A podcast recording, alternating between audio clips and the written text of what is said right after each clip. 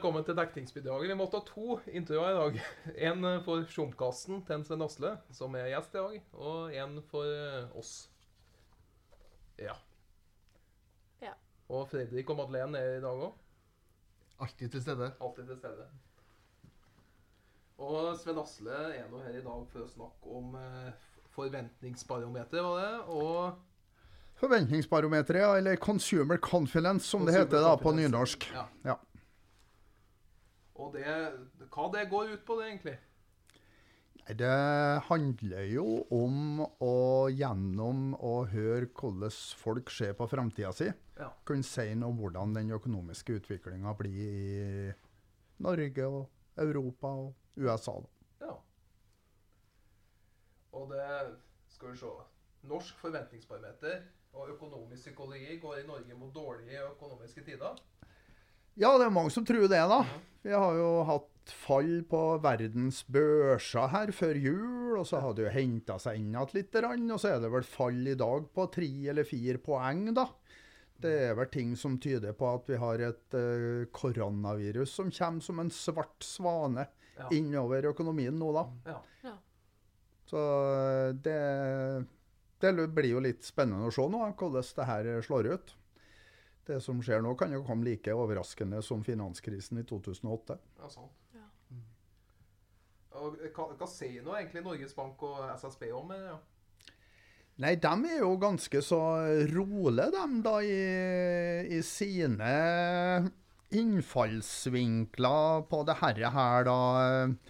Sentralbanksjefen, han Øystein Olsen, han eh, var jo i sin årstale nå da veldig opptatt av det her med at nå må vi fra olje og gass og over da til finanskapital. Det er oljefondet han er opptatt av, eh, selvfølgelig. Men det er jo ikke noe nytt for oss som har tatt eh, bedriften.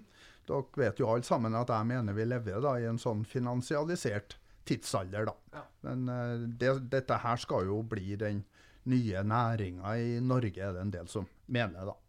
Ja. Så eh, nei, så han ser ikke noen sånne store problemer, han, så vidt jeg kan se i overskuelig fremtid. Veldig opptatt av dette med sustainability, annet, da. Ja. Sånn som eh, ledelsen på BI er for tiden, da. Det er vel kanskje litt oppblåst, det korona? Er ikke litt sånn medie... Det kom nå plutselig til Europa nå med et ordentlig utbrudd i, i eh, Italia. Og da plutselig så slo det innover alle verdens børser at det hadde dødd noen hundre i Kina. Det spilte så ikke så stor rolle, tydeligvis. Så det er tydeligvis forskjell på folk, da. Ja. Eller italienere og kinesere, da. Ja. I hvert fall hvis du leser norsk presse, da. Ja. Tydeligvis. Og ja, det, det, det nevnte vel bakgrunnen for det? Nevnte du bakgrunnen for forventningsbarometeret?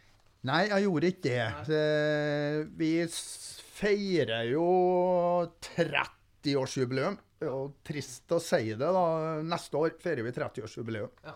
Og det forteller jo det at en Så jeg har jo holdt på med det her nå det halve livet, da. Ja. Og det, det starta jo med en telefon fra en kar borti et tidsskrift som het Økonomisk rapport, Øyvind Grønstad, Ja. og sa da at nå er det sånn svartsyn i det her landet Sven Asle, at nå må vi finne på noe. Sånn at Økonomisk rapport og Norsk Gallup, hvor jeg jobba da, Ja. er de første i landet som kan si at nå går vi mot lysere tider. Ja. Du vet, det var så dårlige økonomiske tider i Norge at alle bankene gikk konkurs. Ja. Staten måtte ta over alle bankene. Eh, boligprisene gikk ned med 40 Oi. Tenk dere det. 40% prisnedgang på bolig. Det er Fem- mye, altså. Ja, det var for jævlig. Altså, Jeg hadde en nabo, han hadde eh, takst på boligen sin på 1,4 millioner, som ikke var så mye da i 1987. Etter at eh, aksjekrakket da på New York-børsen i 1987, så fikk han igjen 400 000. Oi. Han mista en hel million. Oh, eh, ble, fikk jo ikke hatt egenkapitalen engang, vet du. Gjorde han ikke. Så det var, det var forferdelige tider. Og, og det førte jo da til at uh, alle verdiene i bankene ble nedskrevet. Uh, fordi at uh, mye av verdiene i bank var knytta til bolig. Ja. Så den perioden da, fra 1987 til 1993, kan du si, da, det var svarte tider. Det ble sagt at det sto en lysbryter oppe på Dovre. Den siste som forlater Trøndelag, var være så snill å slå av lyset. Jeg tror ikke det var sant, men det var, det var ganske illustrativt for hvor, eh, hvor svartsynt vi var, altså. Det var det. Ja, hva er økonomisk psykologi og forbrukeratferd? Nei, det er jo det at det, og det- sier jo også John Maynard Keynes, da, at det er, det er ikke så enkelt å forutse hva forbrukerne gjør. De kan ha penger å bruke. Ja. Det kan være reallønnsoppgang. Men likevel så bruker de ikke penger. Og hva, det, rett og slett fordi at de er redd for å bruke penger. Så sparing er jo tilbakeholdt forbruk, det. Ja. Så derfor så tar så når, eh, når eh, vi nå da ser at privathusholdningene syns at de burde spart litt mer, eller nedbetalt lån og sånne ting, så er jo det et eh, signal på at forbruket kommer ikke til å bli så stort. Og hvis forbruket kommer ikke til å bli så stort, så vil de ikke kjøpe så mange ski, og så går Gressvik konkurs, Ja. osv. Og vi får nedleggelser da av mye detaljhandelsbutikker. Det har ikke vært så mye snø heller, da. Nei, det hjelper jo heller ikke på. Men, eh, men du kan jo komme på hytta mi, så skal du nå jaggu få snø. Jeg måtte nå ta 1,5 meter av hyttaket her i helgen, så det finnes snø flekkom til. Og det er bare en time fra byen, da. Jeg leste noe, jeg tror det var DN i går eller det dagen før, at litt av grunnen til konkursene i mye av sånn type Gressvik og dårlige resultat i XXL kunne ha noe med holdningene til å kjøpe brukt. Jeg vet ikke om du har sett noe på, eller sett den? Eller Nei, det har ikke jeg sjekka noe på. Det, det, men det sies jo det at eh, det nå da, eh, i hvert fall i tekstilbransjen, så sies det jo det at eh, interessen for gjenbruk er med og bidrar til at det blir mindre eh, salg da. Hos Sara og Hennes og Maurits av, av nye klær, da. Så sustainability kan jo være en medvirkende årsak, ja. Sirkulærøkonomien. Og hvem var barometerets far, da? Ja, han, eh, som jeg sa, da, han Øyvind eh, Grønstad han eh, ringte meg han da på høsten i 1991 og sier at jeg har hørt at det fins noe sånn ute i verden noen sted. Noe sånn målinger om folks forventninger og tillit og sånt. Og, og den gangen så var det ikke noe Google. Google kom med sju år senere, det er 1998. Så eh, det var å ta fram et eh, brevark og så begynne å sende rundt eh, på telefax til alle Gallup-instituttene i hele verden, i hvert fall dem som snakka engelsk, og spørre dem om de hadde noe sånt. Og da Jeg var jo flytta fra Oslo og begynte å operere til et avdelingskontor for Gallup her i Trondheim. Og plutselig så kom det en feit, brun konvolutt stempla fra Roy Morgan i Australia. Og der sto det det at ja, det her har vi kjørt i årevis, og det fungerer som bare det. Men hvorfor har du ikke snakka med svenskene? De driver med det, dem òg. Det visste ikke jeg noe om, da, og vi var bitre uvenner med, med Gallup i Sverige. da, Så det var ikke naturlig. Jeg sendte ikke noe forespørsel heller til dem. Der fikk jeg ei oppskrift av dem, pluss en eh, forskningsrapport fra jeg tror University i Melbourne. Som da fortalte hvor, eh, hvor godt det her fungerte. For, for de var i stand til å forutse valgresultat, og de prognostiserte bilimport og kjøleimskapimport til Australia. fungerte som bare det. Samtidig altså, begynte vi òg da å se at uh, EU hadde noe som ligna. Uh, hadde. Og i valget da mellom den australske utgaven og EU-utgaven, så valgte vi da å legge oss på EU-utgaven. Fordi at det, da hadde vi noe å sammenligne med. Er Norge verre eller bedre enn EU? Og I starten så hadde vi så lite penger til å finansiere prosjektet at vi hadde ikke råd til å kjøre full utgave, som da består av fem spørsmål. Vi kjørte bare fire da, den første høsten da, for å få testa ut det her.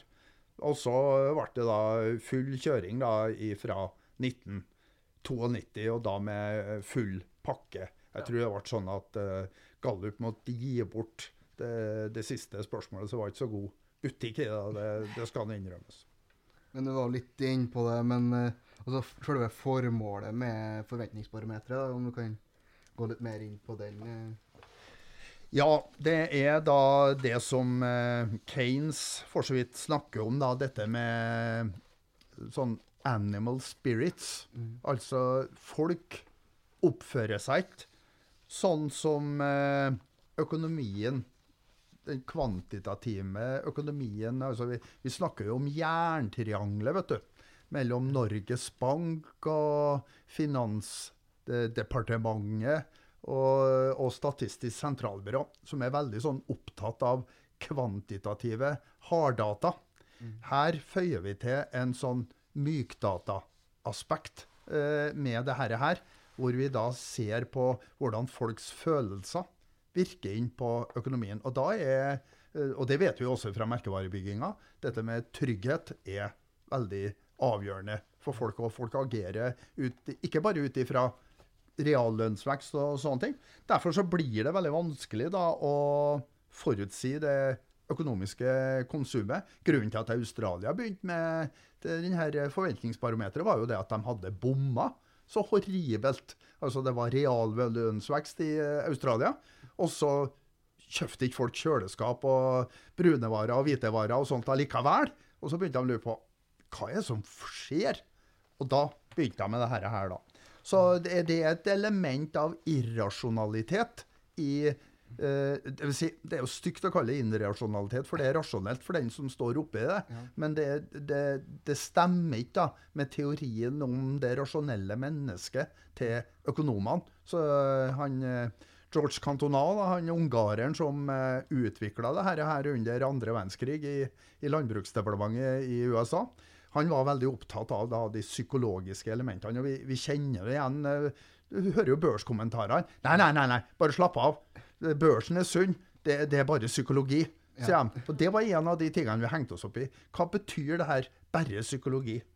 Så, eh, det, og det betyr jo at vi lar da følelsene påvirke da vår økonomiske atferd. Og vi, det tradisjonelle harddata-parameteret måler da handlepotensialet. Hvor mye folk For du må jo handle. Altså eh, hvis det blir mindre handel i butikkene, som jeg var inne på, så eh, blir det jo færre ansatte. Og så blir det flere arbeidsløse, og så blir det færre varer bestilt fra fabrikkene. Og så blir det arbeidsløse på fabrikkene, og så får vi da en sånn negativ økonomisk spiral. Og det sies jo det at eh, forbrukerne eh, bidrar til å forklare en 60-70% av bruttonasjonalprodukt. De snakker om en 70% i eh, USA, mens eh, den i Norge er kanskje bare på 50-60% Vi har en så stor offentlig sektor i, i Norge, da, vet du. Ja. Så, så det er liksom eh, greia på det. Altså det vi skulle eh, få til, da, var altså mål fremtidig forbrukeretterspørsel. Vi skulle avdekke brudd i trender. Og så skulle vi i størst mulig grad unngå at eh, næringslivet unngikk prognosefeil.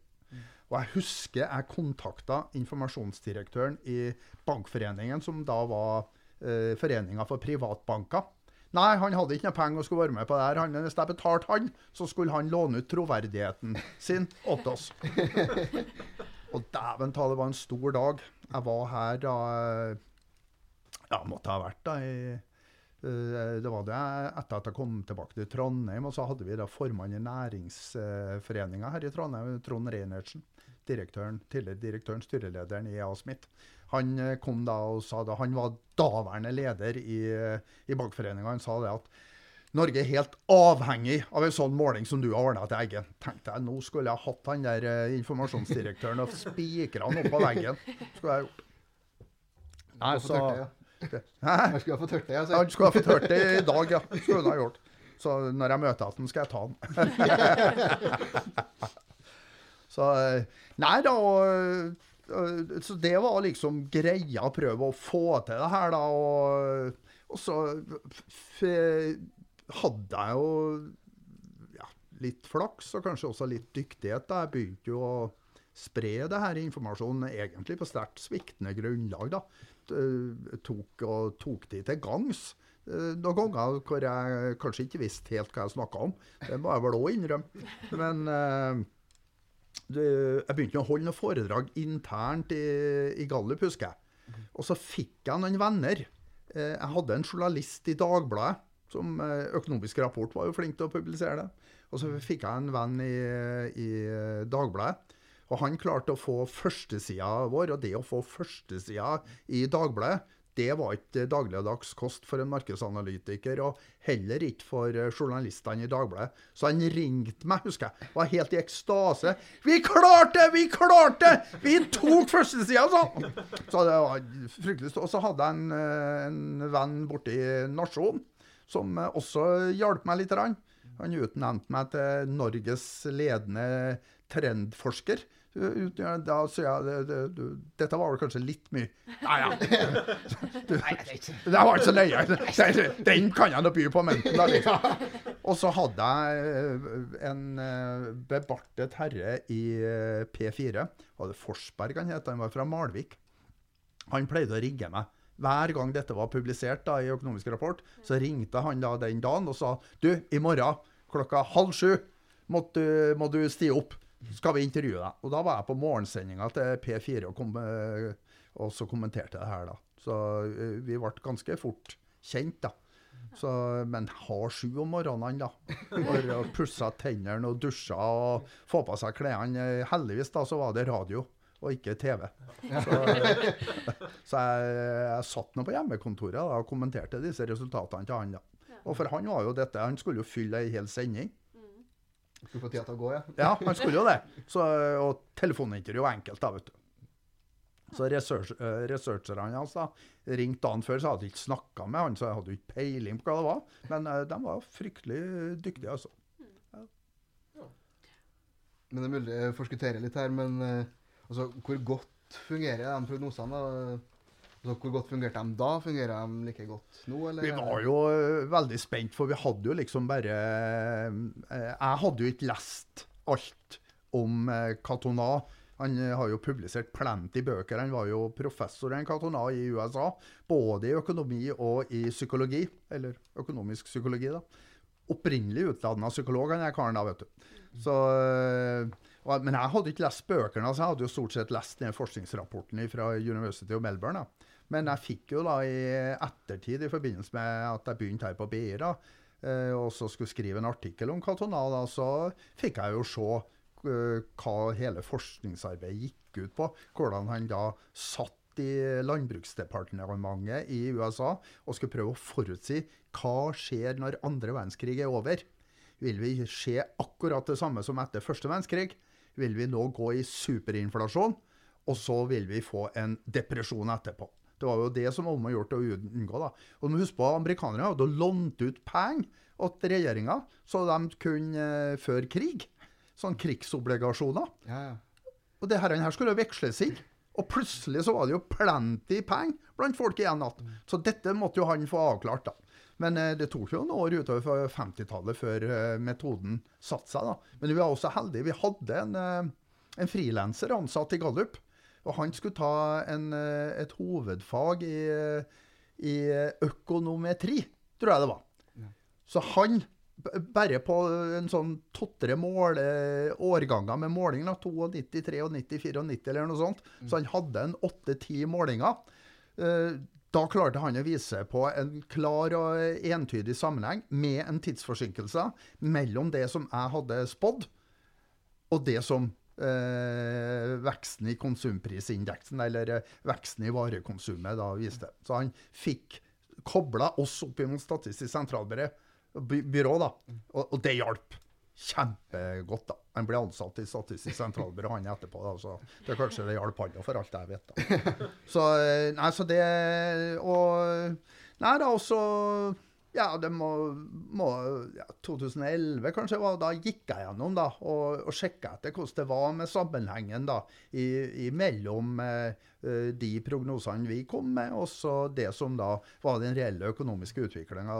Det viste seg at vi hadde vært forbausende flinke til å spå om disse nedgangstidene som da kom utover.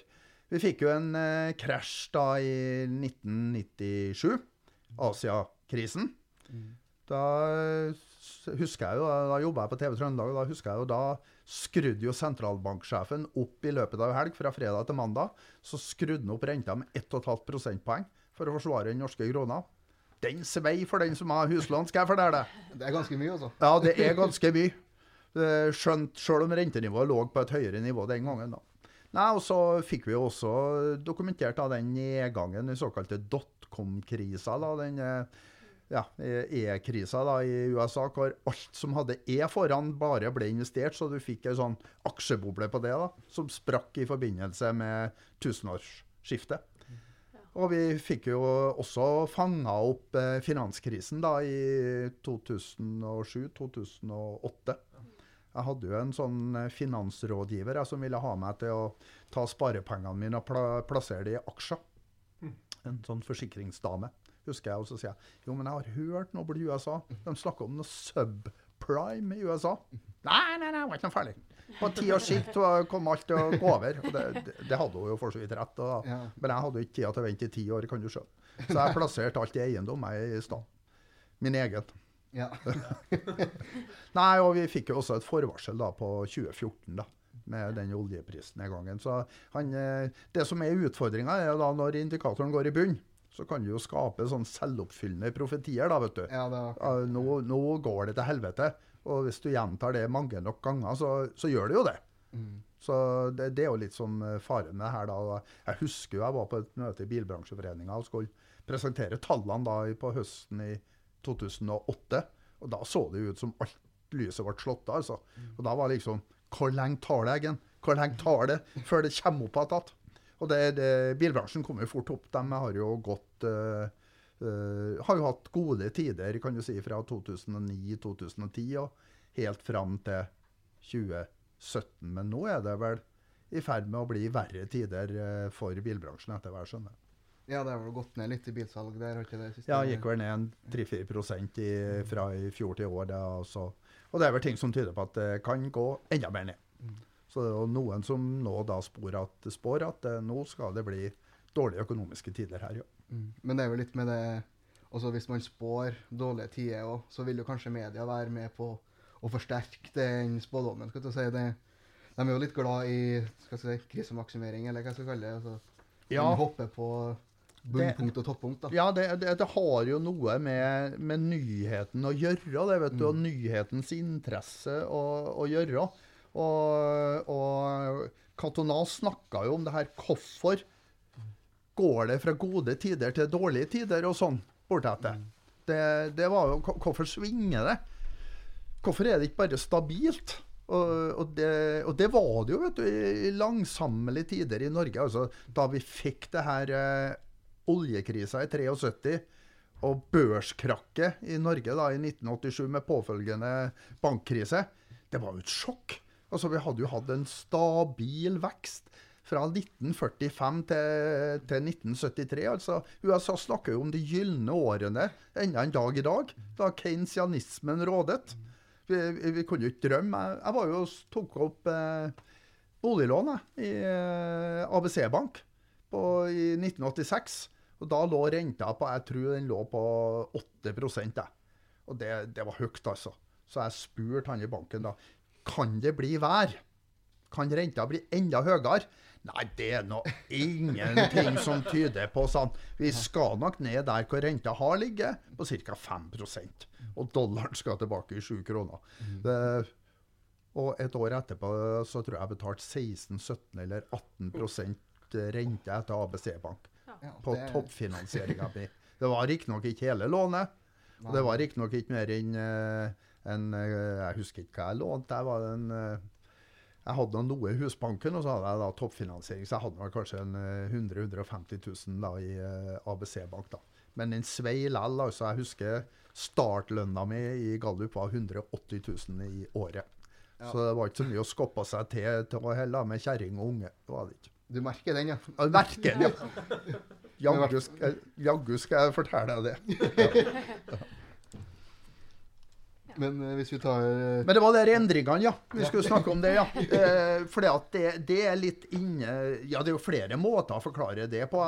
Det er klart Vi kan ikke glemme Schumpeter, Nei. som sier det at det, handler om at økonomien har stivna. og at vi må erstatte gammel teknologi med ny teknologi. Det er jo noe av det som Schumpeter eh, snakker om, da. Men eh, det som eh, da skriver i denne boka si eh, fra 1975, der med psykologisk økonomi, det er det at i starten av en oppgangsperiode, det fikk vi også se i Norge da i 1994, så er positive økonomiske nyheter noe som avisene vil skrive om. Alle er helt desperat om å få tak i nyhet. Altså, det er noe annerledes. Og da var gode tider et ord som man ikke hadde hørt på siden eh, Ja, det, det var jo da nesten sju-åtte år siden, da, vet du. Men så etter hvert, da, som folk har skrevet om at nå Det går likere nå. Så fortaper jo nyhetens interesse seg, og så blir det mindre skrevet om det. Da er det plutselig dårlige nyhetene som er nyheter. For de er annerledes enn de tradisjonelle nyhetene. Så det er avvikene. Journalistene liker avvik, sier Catoná, at det er en medvirkende årsak. Og folk legger jo merke til forandringer. Sjøl om det ikke nødvendigvis altså Vi la jo merke til oljeprisfallet, i, som i første rekke berørte Rogaland. Vi la jo merke til det i Trøndelag òg. Sjøl om det ikke trusselen om at vi skulle bli arbeidsløse var så overhengende her, så merka vi jo ringvirkningene. Det var jo første rekke Rogaland og Hordaland som fikk det, da. Så øh, han kon konkluderte med han øh, Catoná da, at det var mange flere Altså ringvirkningene av arbeidsløshet var mye større enn det, enn det som var realistisk. Det var mange flere som følte seg trua. Det var til og med folk som hadde fast jobb i staten, som følte seg trua av arbeidsløshet da det begynte. Oppdaga han da på 1950-tallet. Og så er det jo sånn at eh, ofte så legger du inn i lønna di. Sånn er det jo med meg òg, det. Det er jo overtida som gir lønninga mi. Det er jo den tida jeg jobber ekstra. Men når det blir dårligere tider, så slutter jo arbeidsgiverne å betale overtid. Ja. Eh, For de har ikke noe behov for den ekstra produktiviteten der. Så dermed så reduserer du inntektsgrunnlaget, og så har du mindre å bruke. Ja. Så, så, men det er særlig der, og det, skjer, det har vi sett på indikatoren flere ganger, at når det begynner å bli økning i arbeidsløsheten, så har det store økonomiske ringvirkninger langt utover dem som realistisk sett. da. Men hva skjer da når vi går i økonomisk dårlige tider? Og det fikk vi jo nå et eksempel på i eh, 2014. Plutselig så var alle politikere i Norge igjen keynesianere. Da skulle det kjøres motkonjunkturpolitikk. Nå skulle det brukes oljepenger og kjøres inn i økonomien for å få ned arbeidsløsheten. Og det, det har man jo lykkes med. Og så etter hvert så ser eh, folk det at Dæven, jeg ble ikke smitta av korona likevel. Så det, det, det, det ble ikke så galt. Så da begynner man å hente seg inn. Men det er også dette elementet om at når eh, Og dette har vi snakka om i bedriften, altså bobleøkonomi. Ja. Eksempler på Eller det, bobleøkonomi, definisjonen på bobleøkonomi er jo faktisk at folk skjønner ikke at det er en boble før den smeller. Men det er litt før det smeller, så begynner folk å tenke Nja, kanskje jeg skal trekke meg ut av aksjemarkedet nå, for det er noe, ikke noe tre som vokser helt inne i himmelen. Så det òg er med da og, og bidrar. Så det, det her var liksom forklaringa til katonal da, mens eh, Schumpeter har det litt annerledes. Men også Schumpeter og Keynes er da veldig opptatt av den menneskelige faktoren i økonomien. da. Er det ikke litt sånn bobleøkonomi rundt uh, bitcoin og alle Ja. det òg? Ja. Så det er jo det. Er jo det og, det og det er jo som de sier da, vet du, på børsen, at når bestemora di begynner å eh, investere på børsen, for det at hun også syns hun skal være med og hente ut profitten, da er som regel eh, de beste dagene over, og da bør du begynne å komme deg ut. Det, det er et eh, tegn på at bobla sprekker. Bjell, bjellsaua? Bjellsaua driver Men det er vel han Spetalen det, Ja, som ja. sørger da for å snakke opp eh, kursen på sine aksjer, Ja. sånn at han kan hoppe ut eh, før dumsauene. Ja, hvordan var det eh, forventningsbarometeret kom til Norge? Jeg jeg har vært litt innpå det. Med, jeg, jeg skal ære han eh, Øyvind Grønstad for det. Det var, det var han som hadde ideen. Eh, men eh, sånn i all beskjedenhet så var det jeg som fikk det gjennomført. Og så I tillegg da, så hadde jeg jo en hyggelig arbeidsgiver som så det at dette var en greie, sjøl om vi ikke tjente noe penger på det. Vi fikk jo ikke med oss bankforeninga til å finansiere her. Det var jo det vi hadde tenkt. da. Nå, I dag så er det faktisk da eh, Finansnæringas hovedorganisasjon som finansierer det hele. Så det, det, det er jo gått ifra eh, litt sånn dårlig til mye bedre der, da. Og Norsk Gallup-institutt, den gangen jeg kom dit, de var kjent for én ting politiske meningsmålinger. Senterpartiet går tilbake, og Arbeiderpartiet går frem, og vice versa. og sånt da. Det hadde vi eh, innført i Norge da, eh, etter krigen. Og det var vi knytta til. Pluss at vi da hadde målt hver eneste lørdag, så skrev Bjørn Balstad en liten artikkel om hva Gallup viser. Det eh, kan til og med handle om utvandring til Australia av alle plasser og sånt. da. Hva folk syns om det. da. Den gangen var det ikke innvandring vi var bekymringa for, men at folk flytta ut av Norge, faktisk. Så eh, det, og, og, målet var da at vi to, altså Økonomisk rapport og eh, Gallup, skulle være de første i Norge som sa at nå er det lysere tider. Og jeg husker fryktelig godt den dagen da jeg hadde holdt et internt foredrag eh, på eh, Gallup. Eh, et kundemøte, frokostmøte eller lunsjmøte eller noe sånt. Og da var det en kar der fra Norske Avisers Landsforbund, og så sa han han der skal jeg ha på møtene mine.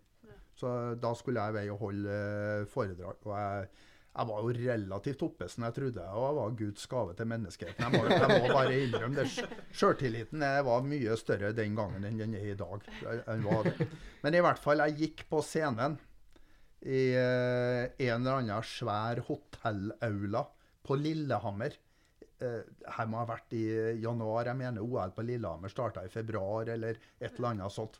Så jeg gikk på scenen der, og jeg mener det satt 400 eh, avisfolk i salen som da drev og skulle selge avisannonser. Og, og de hadde da trøsta seg med i årevis med at nå var det en avtagende pessimisme. Altså, den sank ikke så fort noe lenger. Det hadde de trøsta seg med. da. Så jeg gikk på scenen, og da hadde vi tall. 91, 92, 93. Og nå så vi det at det begynte å gå oppover. Vi begynte å komme på plussida, for nå hadde vi hatt negativt eh, forventningsbarometer da, i hele tida mens vi holdt på det der. Og jeg, jeg husker på det at avslutningsordene mine var Er det én tittel jeg kunne ha tenkt meg hatt i 1994, så er det salgssjef i avis. Det kommer til å bli et bonanzaår, karer. Det var stort sett bare karer som uh, var salgssjefer i avis. Ja. Da gikk han der, der som hadde leid meg inn, Øystein Lie. Jeg jobba mye med ham etterpå, skrev historier til Gallup sammen med ham etterpå. Minnet bestandig på det. Da, Eggen, sa han, da vil jeg minne deg om en som er fra samme regionen til deg han Guttorm Hansen. Og han har fortalt oss nå om hvordan det var i Namsos i 1940.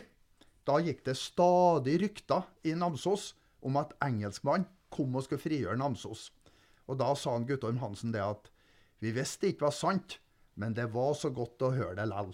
Og sånn er det med deg og Eggen. Vi vet det ikke blir sant, men det er godt å høre det likevel. Dæven ta hvor godt det var å ha rett altså, etterpå det året. For det ble et bonanzaår. Etter sju smale år da, i avis, så kom det et kjempeår. Selvfølgelig også hjulpet av den stemninga den nasjonalismen som var i Norge, med Vegard Ulvang og Bjørn Dæhlie og alle dem da som herja på Lillehammer der da i 30 minusgrader og hva det nå var. Så det var liksom da. Etter det så var det liksom ikke noe diskusjon. Da, da visste vi at vi, at vi hadde det. Ja. Da, da, da, var vi til og med sjøl overbevist om at vi snakka sant. Jeg var vel eneste som var født uh, av oss. ja. ja, ja. ja så dere var ikke med på OL på Lillehammer heller, altså? Nei, litt for, litt for ung for Lillehammer, ja Jeg husker jeg tenkte opp bål nedpå her, for det var så kaldt. Og etterpå så så vi da at det var store oppslag om at eh, det var ikke lov til å tenne bål i skogen der, fordi at skiløperne kunne få astma. Og røken lå framom nesen eh, fra bålet vårt og foran en Bjørn Dæhlie, husker jeg på. Men så ikke var i går, eh, søndagen, var det noen som hadde tent opp bluss når Emil Iversen kom i løypa der. Og sånn Emil Iversen fanklubb. Sto jeg med sånn bluss. Og de må røyke jo ganske kraftig, da. Ja, det gjorde de, ja. Nei, og de tåler jo ikke det. De ikke det. De du, du vet, når du går i skirenn vet du, i under ti kuldegrader, så er det ikke så mye som skal til heller, da. Det er det ikke. Yes. Men eh, kan vi ta litt tilbake til barometeret? Altså, hvordan gjennomføres det liksom i Norge? Hva, hvordan Ja. går den gangen i det? Fordi at når han, eh, han begynte jo eh, eksperimentene han da i det amerikanske landbruksdepartementet. For det, nå var det om å gjort da, vet du, under krigen å forutse hva som skulle skje etter krigen. Men han holdt på etter langt utover eh, og brukte forskjellige spørsmål.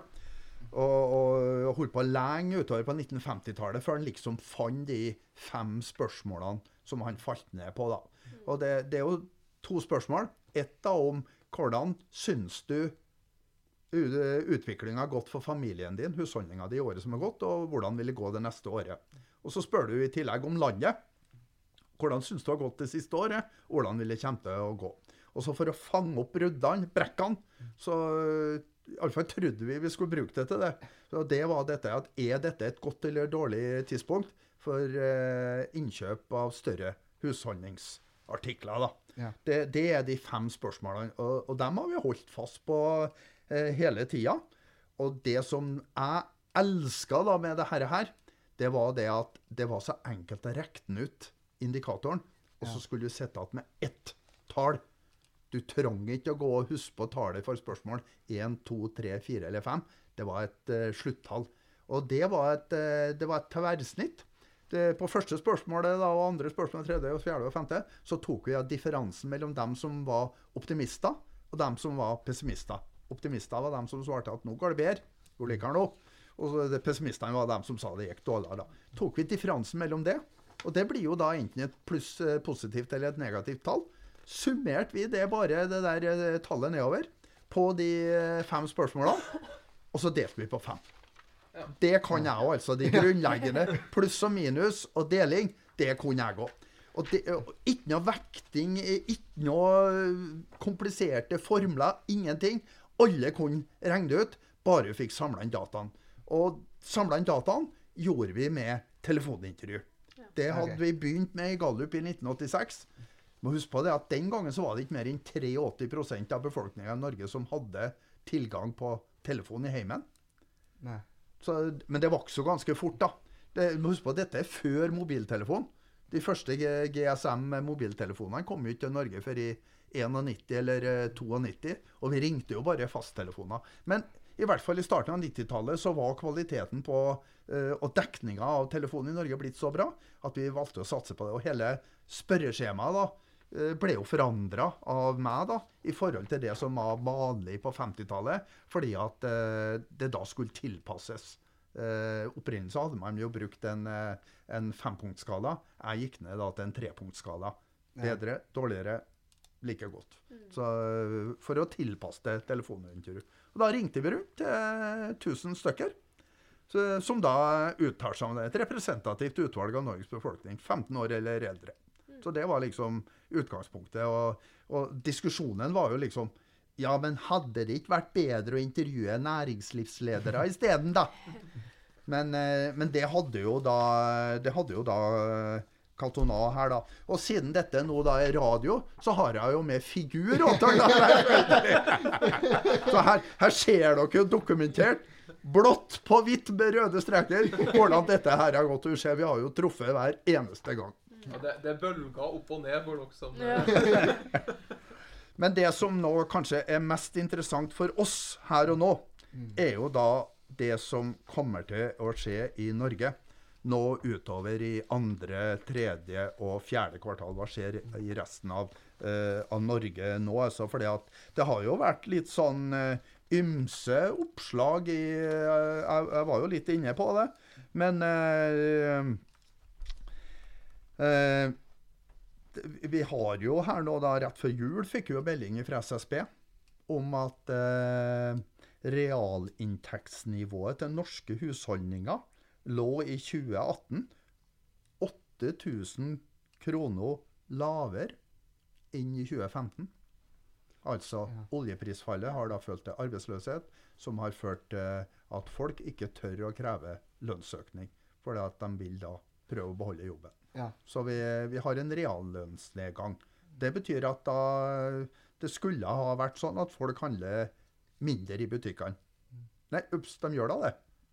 Det er vel sånn det er, kanskje. Nei da, varehandelsutviklinga er ikke så helt inne. Eh, Men det som da har skjedd, er jo at eh, Opplysningsrådet for veitrafikk forteller jo da at eh, bilsalget da gikk ned med mest enn 4% fra 2018 til 2019. Altså fra 142 000 eh, biler Nei, fra, fra 148 000 til 142 000 biler. Det er også et høyt nivå, da. Det var jo, I mange mange år var jo jeg vant med at bil, nybilsalget, personbilsalget i Norge lå på 100 000. Så fra alle 140 000 er, er ganske høyt, altså. Ja. Men, eh, men det er ikke desto mindre en nedgang.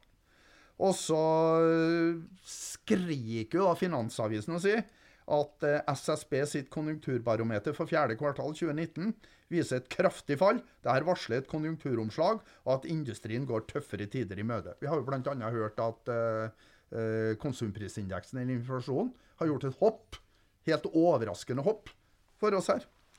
Det er fall i boligbygginga, det er fall i bilsalget.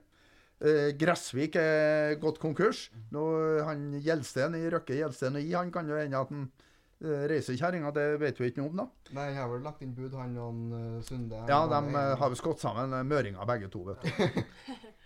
Samtidig så er da kronekursen på et rekordlavt nivå i Norge, hvilket hjelper eksportindustrien vår. Men det vil jo føre til at vi kommer til å importere en inflasjon. Det verste er jo at ingen forstår helt hvorfor kronekursen er så lav som den er. Og, det, og, det ingen, og bank, sentralbanken tør ikke å sette opp renta for å få noe fart på den heller.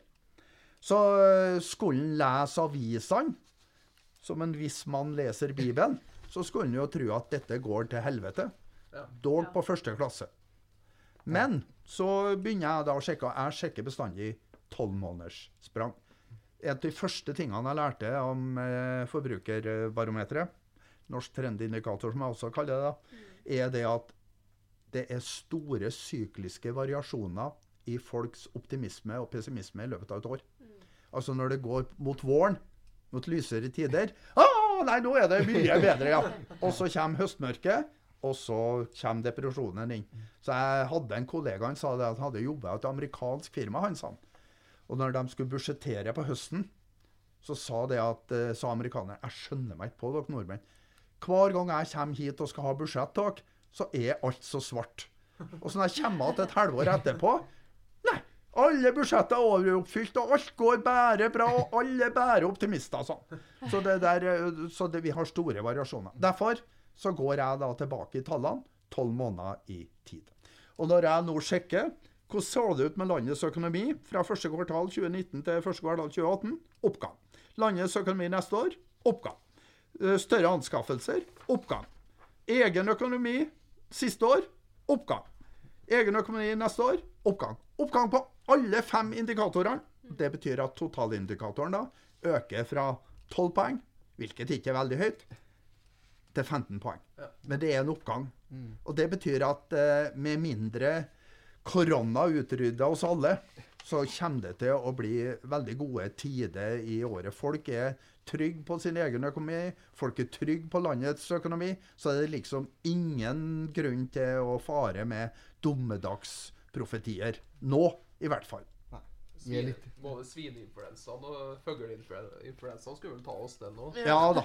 Og det, det verste, vet du, det, det er jo to ting som særlig bidrar til å styrke indikatoren, vet vi tradisjonelt. Det ene er et lavt rentenivå, og det andre er lave strømpriser. Og det tredje er for så vidt da lav arbeidsløshet. Alle disse faktorene har vi jo. Ja. Så folk har jo, har jo forventninger til, positive forventninger. De tror på den økonomiske utviklinga der. Men du var Altså, jeg har sett på det med at det er lav kronekurs, men aldri funnet Altså, Er det noen som har tort seg du si, gått ut på glattisen og spådd noe hvorfor det er sånn? Jeg har ikke funnet noe spesielt om det. Ikke Jo, jeg har- hvorfor. Ja, nei, nei eh, de, de, de sier jo det at det er vi sjøl som kjøper opp eh, vår egen eh, krone. Og okay. at det, er med og, og bidrar til det. Men det, det tror jeg heller jeg skal overlate til en Olav Lilleberg. Ja. Og, og forklare oss hvorfor vi har lav kronekurs. Jeg tror, du vi får inn han en gang? Ja, det syns jeg skal prøve å få til. Både han og Johannes burde jo ha vært der da, vet du, litt og snakka om makroøkonomi. da, Begge to. Ja, men da, du, får- du får banke på til dem, du som er innomvendt. Ja, jeg har sagt til Olav før at han har så mye å forre med at han burde absolutt komme nå. Og så noe helt annet. Hvordan tror du fuglejakta blir i år? Det ser svart ut. Ja. Det gjør det. Dårlig, dårlig lemenår? Eh, nei, jeg, jeg finner ikke noe ryp. altså. Jeg, for og leta etter fugl i hele helga. Både lørdag og søndag. Lørdag så ikke jeg et spor. Og på søndag så gikk og gikk og gikk jeg, så jeg var alle skjortblaut. Og det siste som skjedde da, for jeg rente under hytta, var at jeg uh, jogga opp en diger flokk. da. Så det, det, det er ikke mye, nei. De Det det seg? da, Jo, de hadde. De kom rett ut av snøen. De lå i dokk alle i hop. De hadde vært opp på, på og spist frokost. Sånne små bjørkeknopper. Det så jeg. Og så var, var det fuck igjen. Og så hadde de bare lagt seg ned i snøen. Og da de kom rett ut av snøen Det var ikke ett ferskt spor der der jeg slapp hodet oppi her. da, Så han fikk eh, beskjed om det her er du skal finne, gutt. Det det. Han er litt ung, den kvalpen min ennå, så han har ikke helt skjønt poenget, han. der. Har, det han sett uh, dyp før det hunden, eller? Uh, han har den tendensen at han springer etter ting som flyr i luften. Ja. Om det er løv eller eh, sånn småtteri og småkvist og sånt når det blåser, så springer jeg etter det òg. Så jeg har sett han har sprunget etter ryp en gang, ja. Ja. Som uh, starta opp i skisporet rett fram nesen vår. Så det, det, det er håp, da. Ja. Han skal nå egentlig sitte da, vet du, i stedet for å springe etter rypa. i, i stand, er ikke det? Ja, først skal han i stand, Ja. og så skal han reise, Ja. og så skal han sitte. Ja. Så vi, det er noen oppgaver å gå løs på ennå, da. Jobber med saken, si. Jobbe med saken. Men jeg har jo tenkt også å kjøre den hardt på eh, jaktprøver nå, vet du. Ja. For jeg har jo døpt den så greit. Jeg har jo døpt den Victory. Så det er jo fryktelig kjedelig vet du, å gå hjem med tap, og så drive og kauke på hunden sin. 'Victory! Victory!' Det blir ikke det samme. Kan jo hende at de andre på jaktprøven syns jeg begynner å bli litt tukling, da.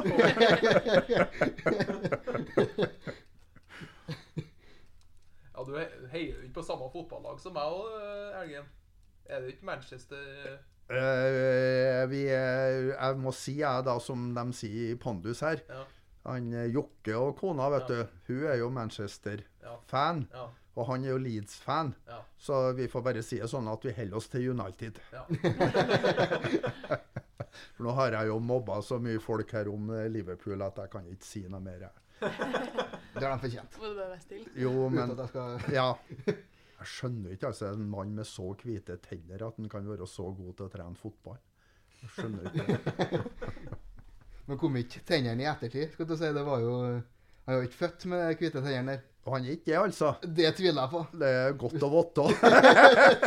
Hvis du ser litt gamle bilder av han, så var de ikke så hvite da, nei. Det er ikke så hvite og så stor. Er det, er det Klopp du snakker om, eller er det han Firmino? Begge, for så vidt. Jeg tror de har samme legen. jeg. Nei, å, det, det var, det var Liverpool-treneren jeg tenkte på, i Ja. hvert fall. Ja. Kan jo ikke nevne navnet på han. Nei, jeg banner ikke i kirka heller. Gjør du ikke det? Du? Nei, men eh, du har vel eh, travelt du nå, Eggen. Skal vel videre? Ja, jeg har eh, et nytt møte igjen om eh, tre minutter, så det passer bra, det her. Så nå er det bare å løpe og kjøpe. Ja. Dere skaper deres egen fremtid. Og så må dere da sørge for å komme dere ut i arbeid, så dere tar vare på pensjonen min. Kan- Kanskje du får den inn på Shopcast-sida òg, den. Ja, kanskje det, ja. Ja. Skal vi sette den der, ja, kanskje? Vi Ja, for der har vi noen lyttertall, og skjønner du. Nå er vi ferdig, var ferdig nå. ikke sant? Blir, blir klippa i podkasten her. Takk for nå.